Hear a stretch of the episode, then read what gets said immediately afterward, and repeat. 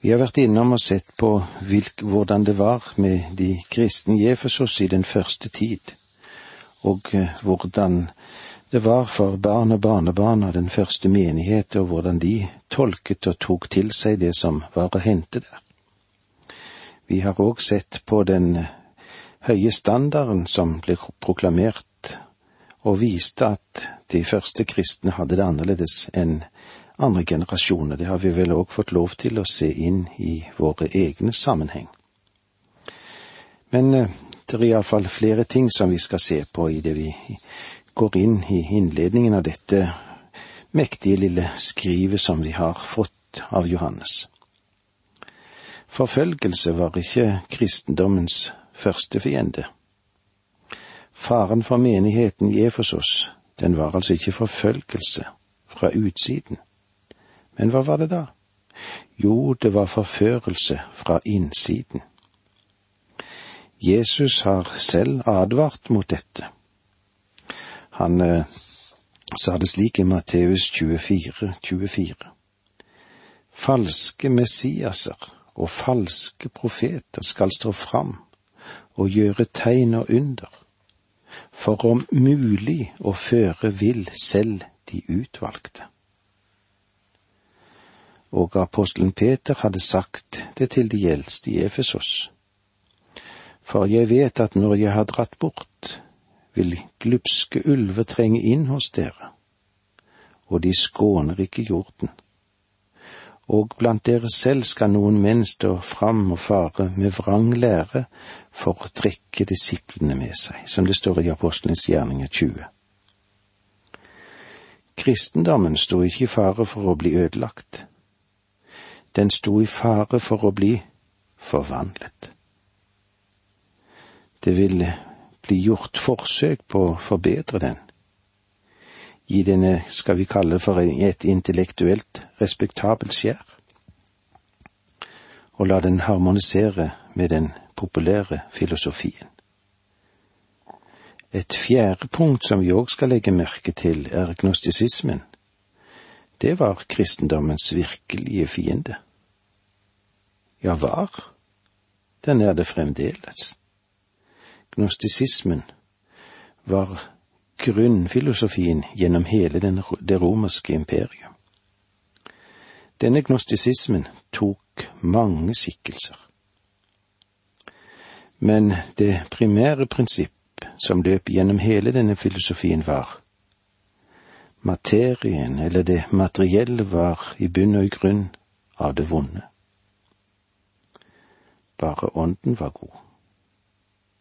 Hele den materielle verden ble ansett for å være ond.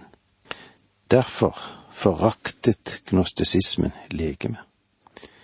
De framholdt at i legemet var det en ånd som et såkorn i møkket jord. Det er det samme prinsipp vi møter i religiøsfarget liberalisme, som fastholder at det finnes en gnist av noe godt i alle, og at Hvert menneske må utvikle denne gode kjernen. Gnostikerne forsøkte å få denne kjerne, denne ånd i dem, til å vokse og prøve å bli kvitt den onde eller det onde legemet. Det var to ekstreme metoder for å nå dette målet, praktisert henholdsvis av støykerne og epikureerne.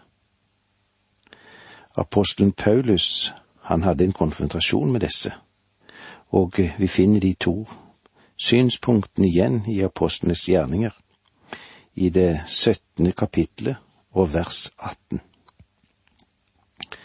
Noen av de epikueriske og støtske filosofer diskuterte også med ham, og noen sa, Hva er det, det egentlig denne pratmakeren sier? Men andre mente, han er visst en som forkynner fremmede guder. Det var fordi han forkynte evangeliet om Jesus og oppstandelsen. Støyrykerne, de var disipler av Seno, og navnet stammer fra Seno, som foreleste i Aten. De var panteister som fremholdt at det vise mennesket skulle være løst fra alle pasjoner, ubeveget både av glede og av sorg, og undergitt naturlovene. De hadde veldige stramme lover og en sterk selvdisiplin. Epikuerene tok sitt navn fra Epikur, som også foreleste i Aten. De aksepterte de greske gudene på Olymp. De anså livslysten fremfor sannheten å være livets prinsipp. Opprinnelig så søkte de å tilfredsstille den intellektuelle, og ikke det sensuelle som fantes i lengselen etter noe bedre, men senere gikk etterfølgende i retning av å tilfredsstille legemet på alle vis, for at det senere ikke skulle plage dem.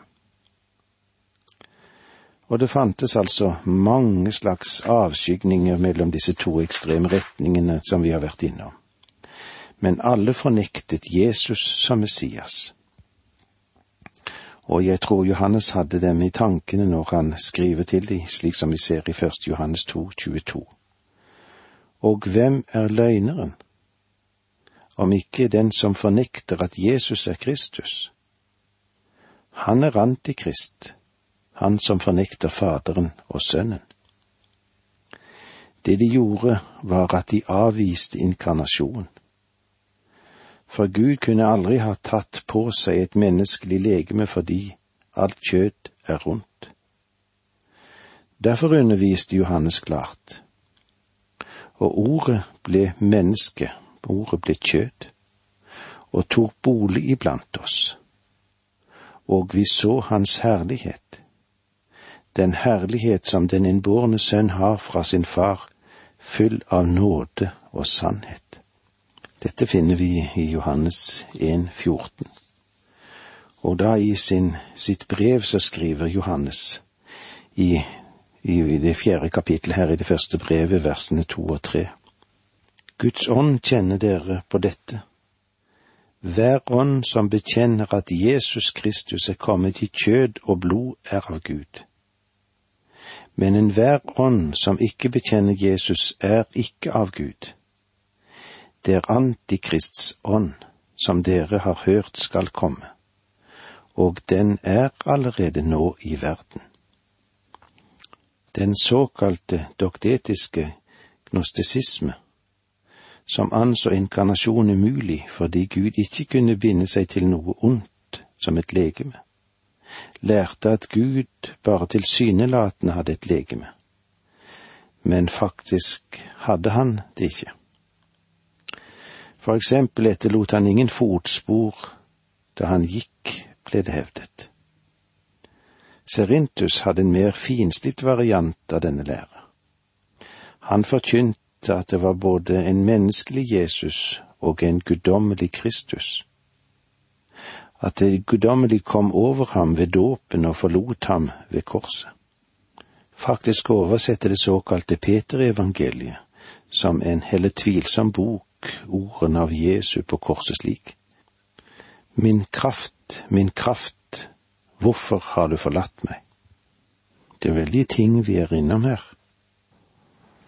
De første kirkefedrene bekjempet dette kjetteriet, og fastholdt at han ble det vi er, for å gjøre oss til det han er. Og det er min faste overbevisning at Johannes skrev dette, dette første brevet for å gi et svar til all villfarelse som var. Faktisk så finnes det en femfoldig hensikt med det første Johannes sitt brev.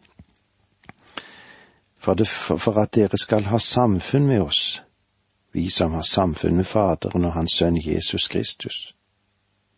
For at vår glede skal være fullkommen.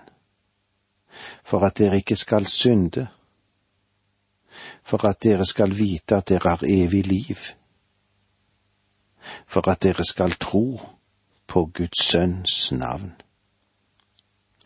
Og disse tingene skal vi komme tilbake til etter hvert som vi går videre fremover i dette skriftavsnittet som vi nå har foran oss.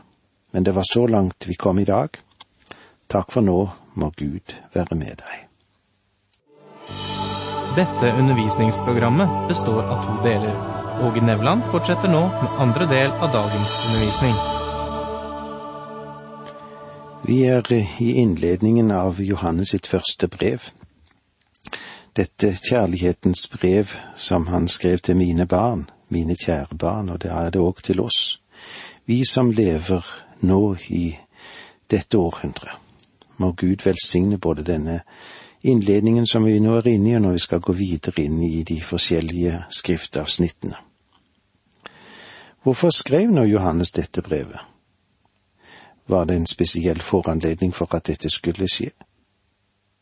Da må vi lese nøyere brevet, og så må vi ta i betraktning den åndssituasjon som befant seg på den tiden, og det er det som danner bakgrunnen for dette brevet. Apostelen han behandler i brevet flere spørsmål som har vital betydning for den kristne menighet. Men i realiteten så dreier det seg om to hovedtemaer, eller emner. Og hvilken emne er det? Det er iallfall noe som er veldig viktig for oss som lever i dag. Sannheten og kjærligheten. Sannheten og kjærligheten. Apostelen kjemper på en dobbelt front, han. Og hva er det? Jo, den sanne lære og det rette liv. Brevet er både et dogmatisk skrift, og så er det et etisk formaningsskrift. Og ikke minst vekker dette brevet til ettertanke at det er kjærlighetens apostel som skriver til oss. Det er han som forteller det på denne måten. Så læremessig skaper det advarsel og formaninger, og eh, noe lignende er det vanskelig å finne i Det nye testamentet. Vi skal legge merke til formaningene. I vers 22 i det andre kapitlet, og hvem er løgneren, om ikke den som fornekter at Jesus er Kristus? Han er antikrist, han som fornekter Faderen og Sønnen. Eller som det står i 3.15. Den som hater sin bror, er en morder, og dere vet at ingen morder har evig liv i seg. Og i det første verset i kapittel fire. Mine kjære, tro ikke enhver ånd. Prøv åndene om de er av Gud, for det er gått mange falske profeter ut i verden. Men samtidig som alt dette, så har brevet en gjennomgående ånd av den innerligste kjærlighet og varme som finnes.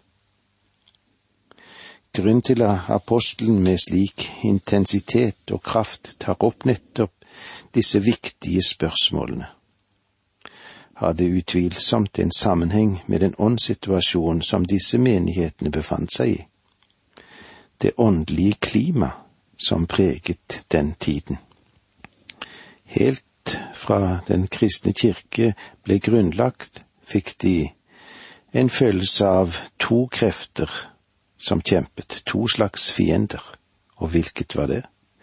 Jo, den ytre fiende og den indre fiende.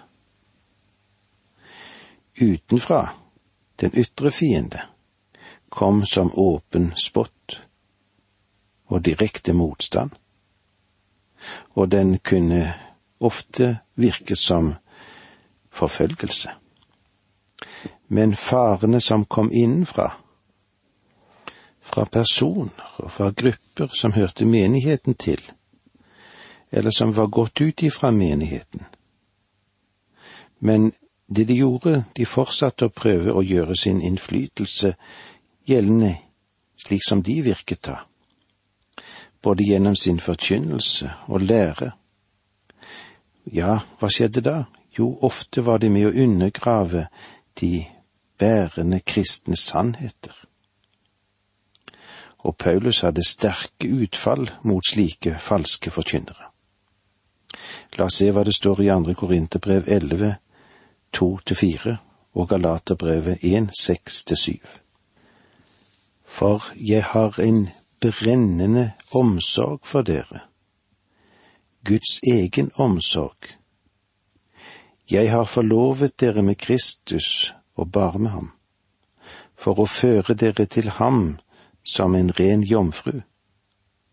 Men jeg er redd at slik slangen narret Eva med sin list, skal også deres tanker bli ført på avveier bort fra den oppriktige rene hengivenheten til Kristus. For dere tåler det svært godt når noen kommer og forkynner en annen Jesus enn den vi har forkynt, eller når dere får en annen ånd enn den dere har fått, eller et annet evangelium enn dere har tatt imot. Og så i Galaterbrevet 1, 6 til 7. Det undrer meg at dere så snart har vendt dere bort fra Ham som har kalt dere ved Kristi nåde og gått over til et annet evangelium. Men det finnes ikke noe annet evangelium. Det er bare noen som forvirrer dere og vil forvrenge Kristi evangelium. I Johannes sitt brev går det klart frem at den, denne siste fare, som Johannes er særlig opptatt av, er å forsøke å advare menighetene mot den forfølgelse som vil komme. Hvilken forkynner, eller hvilke åndsretninger det siktes til, blir ikke sagt direkte. Men eh, fienden synes å rykke fram på to måter. Først gjennom en kristologisk vranglære. Jesus forkynnes, det så men det er med en forfalsket Jesus. Og så har de de som vil kjenne Jesus, men tar ikke hans bud på alvor. Og spørsmålet er hvordan er det i vår tid, vi som lever nå? Vi kan vel òg si til hverandre at dette er familiebrevet. Det tar Guds barn over dørstokken inn i fellesskapet, inn i fars hjem. Det er familiebrev, altså. Paulus sine brev og de andre brevene er menighetenes brev. Men dette er et familiebrev. Det burde iallfall ses på den måten. Menigheten er en samling av de troende. Et legeme der de blir velsignet med all åndelig velsignelse i himmelen i Kristus, som det står i Feserbrevet 1.3 den posisjonen vi får når vi tror på den Herre Jesus Kristus er, all åndelig velsignelse i himmelen. Det å tro på Jesus fører oss inn i Guds familie. I denne familien har vi et fellesskap som kan brytes, men blir gjenopprettet når vi bekjenner våre synder. Og da er Han trofast og rettferdig, så Han tilgir oss syndene og renser oss fra all urett, som det står i det niende verset i det første kapittelet her. Jeg er ganske overbevist om at dette brevet på mange måter er viktigere for de troende i menigheten enn flere av menighetsbrevene. Her er kjernematerialet så sentralt at vi ikke kan klare oss foruten dette. Og det er meget viktig å forstå denne lille boken, som har så mye å si oss. I det første Johannesbrevet er det tre definisjoner av Gud, og eh, det er Gud er lys. Gud er kjærlighet, og Gud er liv. På denne bakgrunn tror jeg at vi kan dele dette brevet opp i disse tre hoveddeler. Det første Gud er lys. Ved å vandre i lyset ved å bekjenne synd, ved Kristi forsvar. Hvordan kan vi som små barn ha fellesskap med Gud? Det andre er, det vi vil komme inn på, er Gud er kjærlighet. Hvordan kan de kjære barna ha fellesskap med hverandre? Ved å vandre i kjærlighet. Når vi kommer inn i det andre kapittelet og i vers 15 utover, så står det om at barna må ikke elske verden. Hvordan barna kan kjenne hverandre og leve sammen. Vi vil òg se på fars kjærlighet for sine barn. Vi vil òg se på de troendes to naturer og hvordan den er i funksjon. Og så skal vi være oppmerksom på den fare som måtte komme med falske lærere. Gud er kjærlighet. Barna, altså vi kristne, skal elske hverandre. Og eh, et av hovedpunktene, som vi sa, Gud er lys, Gud er kjærlighet, Gud er liv. Seier over verden. Visshet om frelse. Johannes sier, Jeg skriver til dere, mine barn, fordi dere har fått syndene tilgitt for Hans navns skyld. Og det var det vi fikk med oss i dag. Takk for nå, må Gud være med deg.